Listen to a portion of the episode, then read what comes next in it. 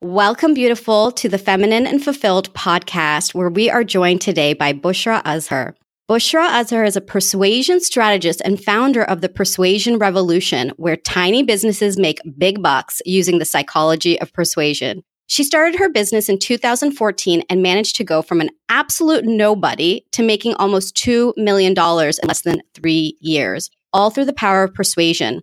Her students have used her persuasion hacks to make millions of dollars while slashing their ad budgets by 80% and from lists of less than 100 people. Bushra is also an international best-selling author with a number one bestseller book on selling and consumer behavior. Welcome, Bushra.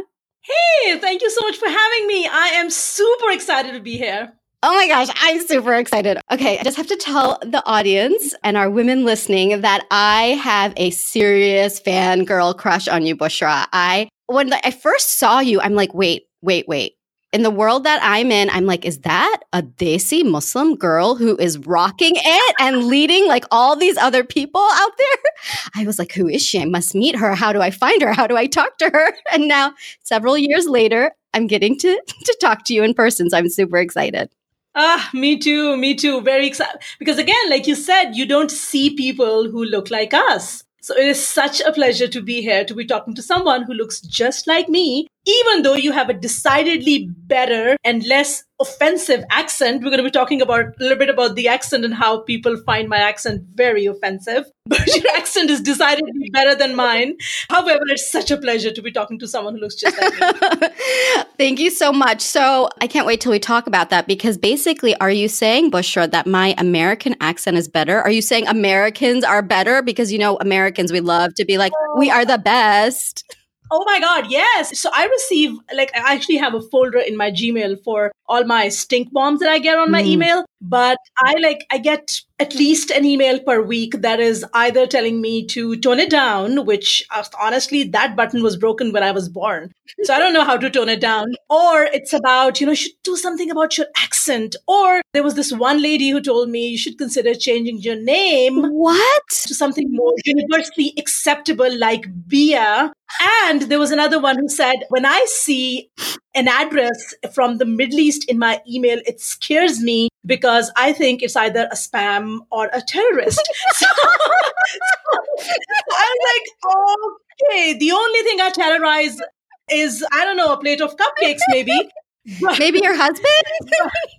yeah, he's perpetually terrorized. So I don't even have to do it on an ongoing basis. He's like born terrorized but it's so funny because yes an accent oh my god uh, and sometimes it's like very explicit where they will come out right out and say it you know your accent is a problem. And it always is they always preface this with i'm not a racist but which is so funny to me. Like you don't have to say it. If you have to say i'm not a racist dude you are a racist.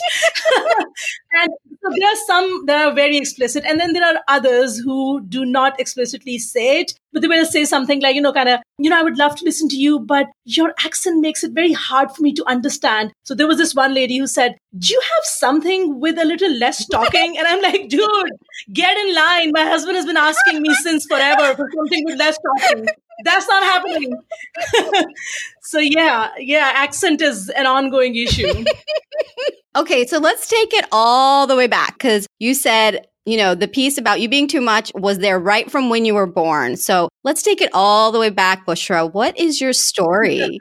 So, okay, yeah, I always been too much. So I was born in Pakistan and, you know, you're aware a little bit of the culture. So born in a country where if you're not a pretty little boy, you basically have lost the battle, lost the battle the moment you're born. So even though my parents were pretty progressive, I had always been the sort of person who's like, you know, I have a fire and I have so many ideas and I have so many things to share. But somehow, because I was not a girl and I was, sorry, I was not a boy and kind of refusing to conform to those standards, I was very brash. I was very vocal. I didn't get a lot of appreciation for the way I was when I was growing up. And a lot of people ask me, you know, were you always naturally persuasive? Because my work is all about persuasion. And I was like, no, I would say persuasion for me was more like a coping mechanism because I had so many things to say. I had such big ideas and I could see that people did not expect me to have these big ideas. So at an early age, I learned how to get people to say yes. And mm. it started off being really crafty. I was such a crafty little biatch when I was growing up because I had to get things done my way, but it wasn't really working out because I was not a pretty little boy. So I kind of like a coping mechanism. And I changed. I'm like the flakiest person you will ever meet. I change careers every two years. So I started off as a pre-med student. I wanted to be a doctor. I switched lanes, got into medical school, dropped that, went into accountancy, became an accountant, went into banking. I was the youngest vice president in Pakistan for a national bank. From there, I went into academia. From academia, I went into consulting. From consulting, I started my own business. So flaky AF. And yeah, so like you said, started the business in 2014. And yeah, here we are. It's unbelievable what's happened in the last four ish years. It's a multi million dollar business. I have a very small team. It's just me and my accountant and one full time assistant. So that's it. And it's just fun. It's just so much fun doing this. Oh my gosh. I mean, you make it fun for any of us who follow you and watch you and learn from you. So I want to actually hear back to your craftiness when you were a little girl. Do you have a story you could share? Oh God. Oh no, I would rather not share those because I'm pretty sure a lot of those would be considered because see, that's the thing. That's what I tell a lot of the people that I work with. I was like, you don't understand the line between parenting and verbal abuse in our culture is really thin. Mm-hmm. like, like very hard for Westerners to really understand how parenting works in a South Asian, or maybe I would say in an Asian culture. So a lot of the things that I did would probably qualify as I don't know, maybe illegal. I don't. I, I'm uh, definitely unethical. so definitely not sharing any of those stories. There might have been some petty fraud that qualifies as a petty fraud, even though I thought I was just being crafty. so, yeah, I would rather not share those stories. Thank you very much, Madam Shazia. this is not the path we're taking today. fine, fine. Okay. We don't want the lawyers coming after us. But needless to say, it oh, sounds like you've been getting your way, like you said, for quite some time and using persuasion or craftiness to really do a lot of amazing things. And now, particularly in this space around persuasion and psychology. So tell us more about that and how that looks.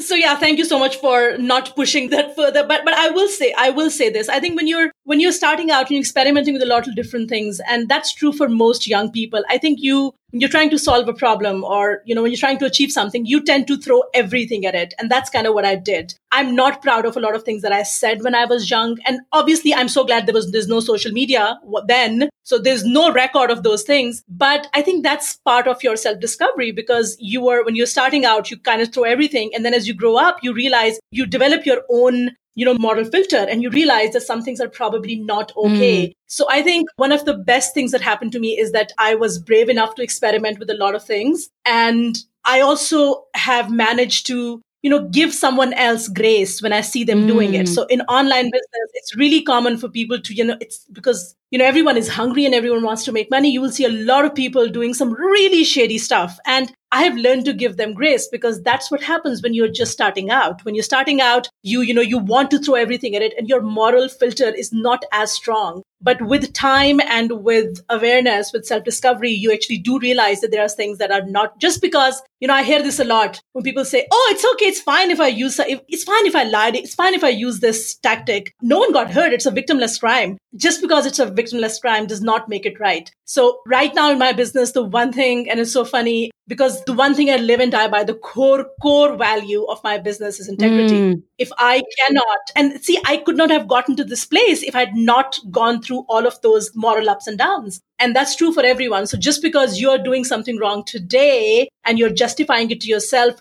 don't accept it as the right thing. You know, allow yourself to grow and accept that, you know, as you grow and as your moral filter becomes more aware, you might want to go back and say, you know, what I did before wasn't okay and have the courage to admit it. So in my business right now, I have said things like, you know, this tactic, I used to do it when I started my business and I'm really ashamed that mm. I did. You know, something as simple as saying a bonus is going away and then the bonus never goes away. You know, it's even though it's a like I said, it's a victimless crime, but it does not make it okay. So so now, yes, now I'm all about integrity and I try really, really hard to embody that spirit and live it every day in my business. Yeah, and I'll speak to, you know, I love that you're using the word integrity because that would be the same core word that I would use for my business. Because I've really been burned by people in the past and the biggest thing that has burned me is when people were out of integrity because I, you know, for me, you know, as a buyer or as if I'm investing in something, I'm really trusting that person to help me in whatever journey I'm going on. And for the most part, it's always been, you know, a good situation. But there have been times where people have used certain tactics and I've really gotten burned. So much so that when I got burned, they tried to blame me for it. And yeah. You know, I actually had to process it. It's very strange that, you know, a transaction caused me so much distress, but it did. And so when I hear you talking about integrity and I see that in the work that you're doing, it means a lot because every person out there is a person. You know, it's not just, we're not just commodities, we're still people at the yeah. end of the day. Absolutely, absolutely. And like you said, for me, I think the hardest thing that you do as a business owner is to turn away a sale. Mm. And this is like and i don't have a massive team. I just have one person who deals who has a you know fees faces a client facing uh, person. And that's what i tell her. Listen do not be afraid of turning away a sale. If you know it's a not right of fit, it's not a right fit. If you know the person is struggling financially, and it, it's funny because I've had situations where I have like a thousand people on live on a webinar, and someone would just come right out and say, "I don't have the money. I cannot pay money. I cannot pay. I don't have money to pay for my rent this month. Should I buy your program?" And the courage to sit there in that moment and in front of a thousand people, because you're not just answering that person, you're basically telling everyone in that group that whatever you're about to say. So the courage to tell them that no, you need to put food on the table. You need to get mm. rent for your house before you worry about buying my program. The courage to do that, I think this is what, to me, this is what integrity looks like. And when you can do that, when you have the luxury to do that, I think that's when you know that you're in alignment with whatever your core values are. Mm, yeah, absolutely. Absolutely. And I know you're taking it one step further, even. And this week you've been doing something really fun and I know something very close to your heart where now it's not just about the being in integrity. You are going further to say, how can we support other people who really don't even have food to put on the table and allowing people to give in charity as a part of your business? Can you share what's been going on there? Yeah, so it's funny because when I used to make 2000 rupees, which would essentially be what, $20 mm-hmm. probably, it's 17 $18 a month. This is what I used to make when I started doing, like back when I was 20 and I was kind of working on the side and studying. So this is what I would make. Even from that money, I used to set aside a small portion, 10% to give to charity. So if I made $18, I would give about, you know, about $2 to charity. And that's kind of a tradition that I've continued. And I firmly believe there are not many things that I'm absolutely sure that they are absolute facts. But one thing that I believe is an absolute undeniable fact. And that is when you help someone in need, it does come back to you 100x for sure. Like there is no way it is untrue. Sometimes you get back whatever you give in terms of cold hard cash. Sometimes you get it as peace of mind. Sometimes you get it as joy, health, happiness, fulfillment, but it always comes back to you. So this is the same tradition I've always continued ever since I started earning my first penny. So in my business, I do set aside 10% of all sales mm. and I to feed and educate. I basically primarily focus on Southeast Asia because I started working with a lot of NGOs in Pakistan and then it expanded to India and now I have some Sri Lanka and Bangladesh. So that's a core part of my business. I've always done it. Why stop now? Which is awesome because now the paychecks, the charity checks are super big. it started from $2. Now they are like six figures. So that's awesome. But what I did this week was a little bit different. It was, I was thinking to myself, I like, I can get so many people to listen to me. I can do a Facebook live and I can get hundreds of people to join how can I mobilize them to do something? So, yes, I'm giving away 10%. That's fine. But how can I get that community who's listening to me? I have a voice, right? Mm-hmm. How can I use that voice? So, this was an experiment. It was called Spin to Win. And the idea was that people would donate $50 or more. We've had people donate who are $500 even though the minimum was $50, they ended up donating $500. And when they do, they basically get to win one of my courses. Again, it is easy for me to give cash. I'm already doing it as 10% of sales, but I mm-hmm. wanted to mobilize all those people who are tuning into my lives, who are watching my videos or opening my emails. How can I give them the same gratification that I get from giving? Because when you give, you feel so gratified. It's such a great moment. And how do I allow them to 100x their givings, their money? So that was the whole idea. I loved it. We raised $4,000 plus in about three days. Again, even though it's not a massive amount of money, but I'm just so pleased that we got so many people to contribute. Yes, and it was so much fun the way you did it too. And spinning the wheel, you and your daughter, and we're sitting there like, what am I going to get? What am I going to get? Like, because I, I got to donate oh, and then I was so excited. I was like, what am I going to win? and I've never gotten to like donate and then have it be that exciting. so it was a real fun, yeah. it was a real fun thing. Yeah. Okay, Bushra. So let's dig into your psychology because you are an expert at persuasion. And I think we can use a lot of these tips and hacks, perhaps, not just in business for those who may not be business owners, but even maybe with other people like family members, maybe like husbands, kids, parents. kids, this is not magic. This is not voodoo. Right? no, tell us the voodoo. it's funny because so I have this theory called mass persuasion method, and the idea is that a human brain is like an electric circuit. And if you want to spark a yes in that electric circuit, you need to activate eight switches in the human brain. But honestly, every time someone asks me this question, like, what is your one big tip? I always, always, always give this one big tip, which I think it works on anyone. It does not matter who you are trying to persuade, whether it's your husband or your boss or, I don't know, the HR manager for a salary raise or getting someone to buy or positioning your products or whatever. I think we should all remember that as the core of every argument that we make. And it's what I call a prestige switch. So Here's the idea behind Prestige Switch. We think that if someone buys a new car or if someone buys a lawnmower, my favorite example is a lawnmower. So we feel that when someone is trying to buy a lawnmower, what they're looking for is a lush green lawn, right? That's the natural logic. That's the first thing that pops into our head. Okay, he's buying a lawnmower because he is looking for an easy way to have a great lush green lawn. However, human motivation is not always this angular. It's not always this direct. You can't always just say, okay, I need a new fridge because I need to keep my food healthy and safe and cool and whatever. There's one underlying emotion that every human being, it does not matter what level they're in, but there's one underlying emotion that every human being aspires to have. Like they're hungry for that. And that emotion is an elevation of their social status an elevation in their prestige. So whenever you're trying to make an argument to someone, whether you're trying to convince your husband to do something or you're trying to convince your boss to do something or trying to get someone to buy, always position it as how it will elevate their social status. So going back to the lawnmower example, if someone is looking for a lawnmower, they're not buying a lush green lawn. What they're really buying is the fact that that lush green lawn will make their fat, judgy neighbor die of jealousy because he would think that you know that i'm loaded because i have such a great lush green lawn right so everything that we do the brands that we wear so even though i've heard people say oh i love louis vuitton no you don't love louis vuitton what you love is the prestige that comes with this what you love is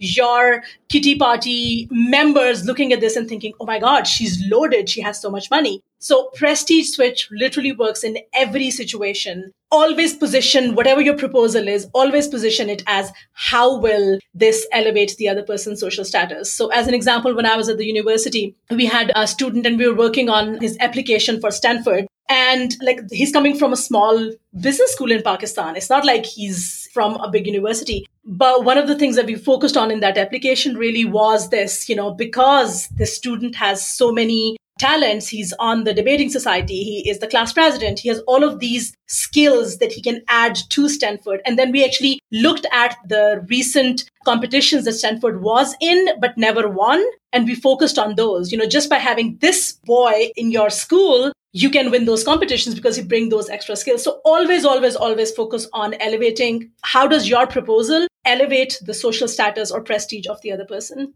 Mm, I love that. I'm going to use that. I'm going to use that. So, like, are there certain language? Like, I'm just imagining if I'm talking to somebody, right? Like, I'm imagining, I'm totally wanting to use this on my husband. Okay. I'm full disclosure. so, is there like a lang, like words you can use? Just like, let's say in a conversation, if I just want to get my way on something.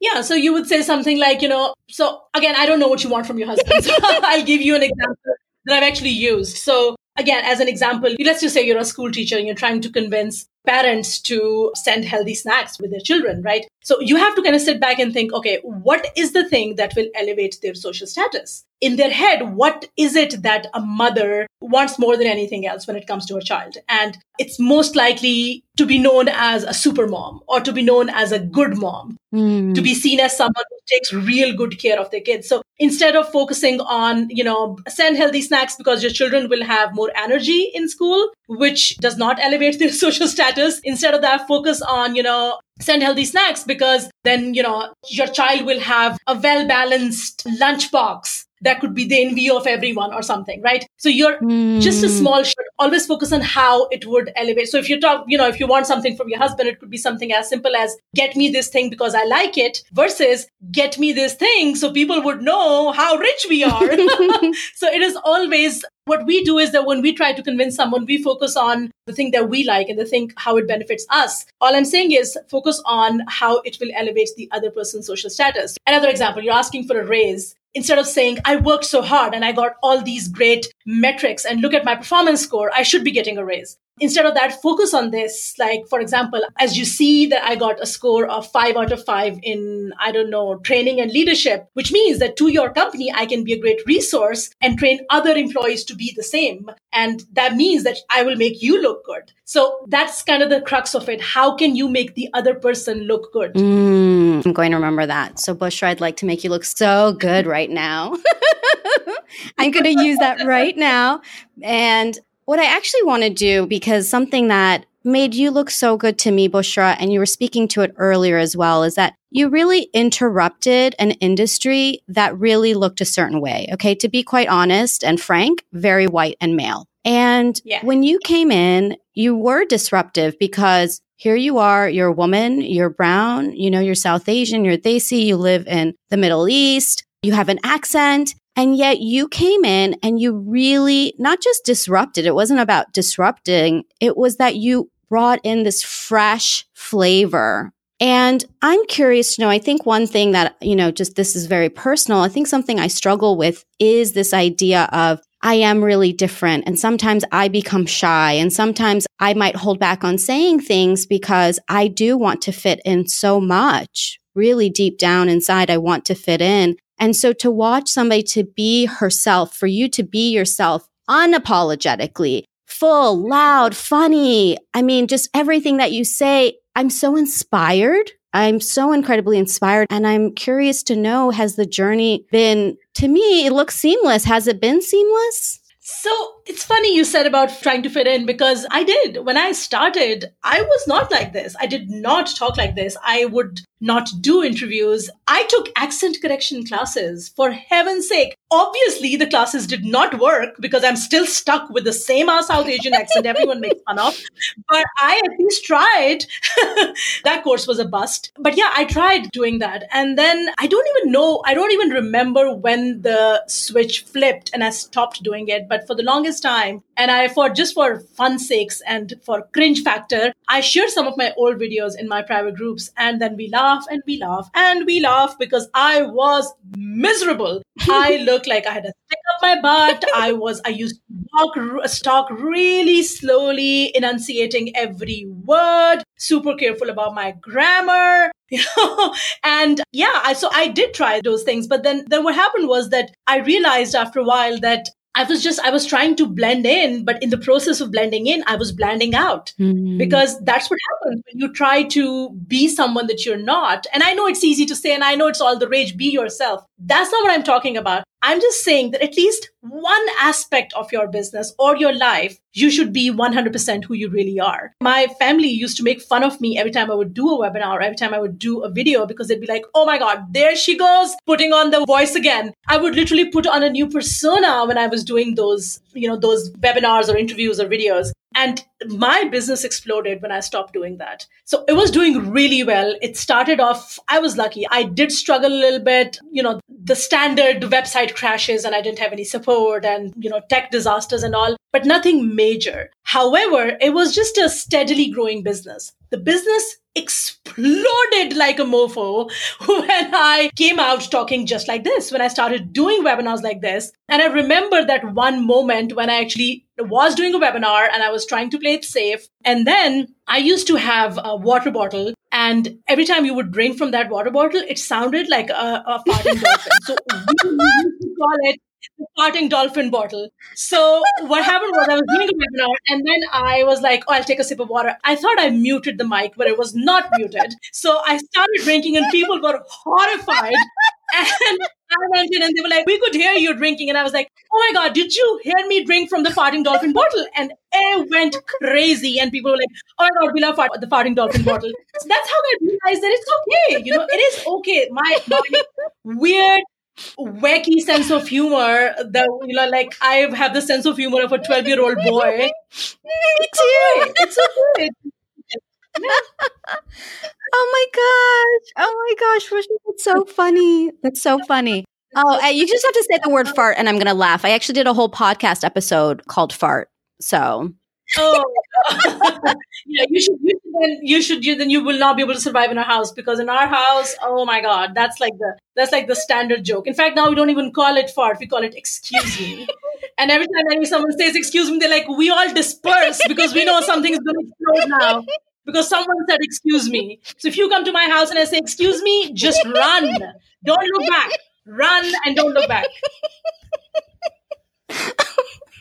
Oh my gosh. I can't do this interview anymore. Oh my god. is like the funnest, the funnest conversation ever. oh my goodness.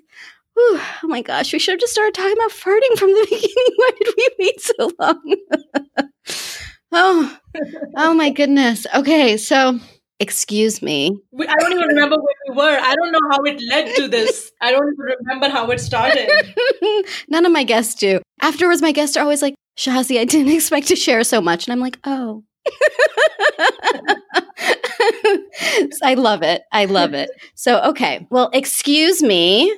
And I wish that you had your farting dolphin bottle because I would have loved to have heard it. But on that note, I know that people are probably dying of laughter out there or dying in horror because I have some friends who are like, don't even say the word fart. Like they are horrified if you say fart or poop. And I'm like, but it's natural. And they're like, no, don't say it. I'm like, Oh my God, you hang out in some really posh circles, I must say. So, what do they do? They just, I don't know, imagine it and it happens? Like, how does it work? I, you know what I think? I think that their farts are the stinkiest. That's what I've decided. That's probably they're so horrified. That's why they're so horrified. Yeah, they should come to my house. There are all sorts. We have we have from the very silent ones to the massive bazooka ones. So we have like all varieties. Send it over to my house. What's your fart style, Bushra? Oh, I am very, very sneaky. And I never admit it. Never.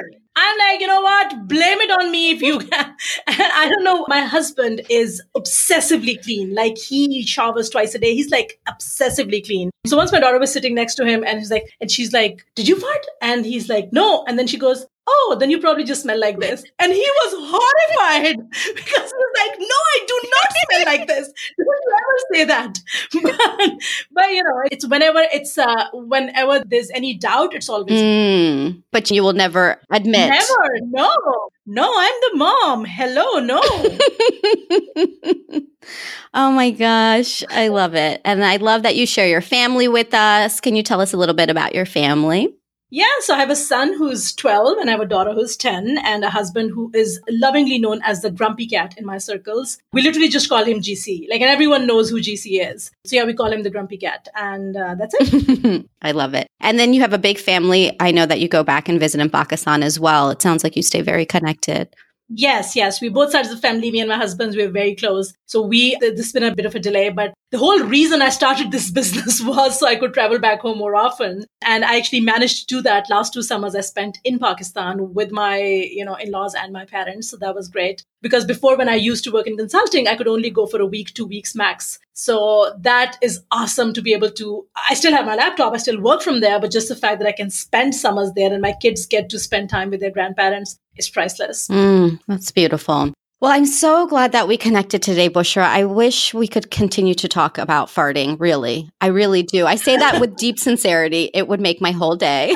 but know I have to let you go because it's very late where you're at. And I'd love to share the world with you and everyone listening. I'm sure that they want to connect with you. So, how can they find you? So first of all, thank you, thank you, thank you so much for having me. It was so much fun, and I'm my, my, daughter is in like she's here. I'm in my closet office, so she can hear me all right. And once I finish, she's gonna give me a scolding for all the the gory story sharing. But it was so much fun. Thank you for having me. My website is thepersuasionrevolution.com. So, or you can just Google me. I made sure there are no objectionable items on Google about me, so so you can Google me as well. I love it. And I know that you're on Facebook as well. And what we'll do is we will include links to your website and where people can connect with you on our show notes at thelifeengineer.com slash podcast slash Bushra, which is B U S H R A. So thank you so much again, Bushra. I mean, this you have no idea. I just feel like I talked to a celebrity and a celebrity who looks like me, which is like doubly exciting. so now, are we officially girlfriends? Like I can call for Gupshup anytime? Ah, thank you so much for having me. Seriously, it was such a pleasure. You know, you have no idea how much it means to be talking to someone who looks like mm. you, almost. Well, half my size, but still. no, no, no, definitely not half your size. But yes, perhaps slightly different accents, but otherwise, two Desi girls at heart who love to talk about farting. We're basically twins. yeah, kind of, kind of. you take care. Thank you so much. Really. Thank you. Thank you so much, darling. You take care. Bye bye.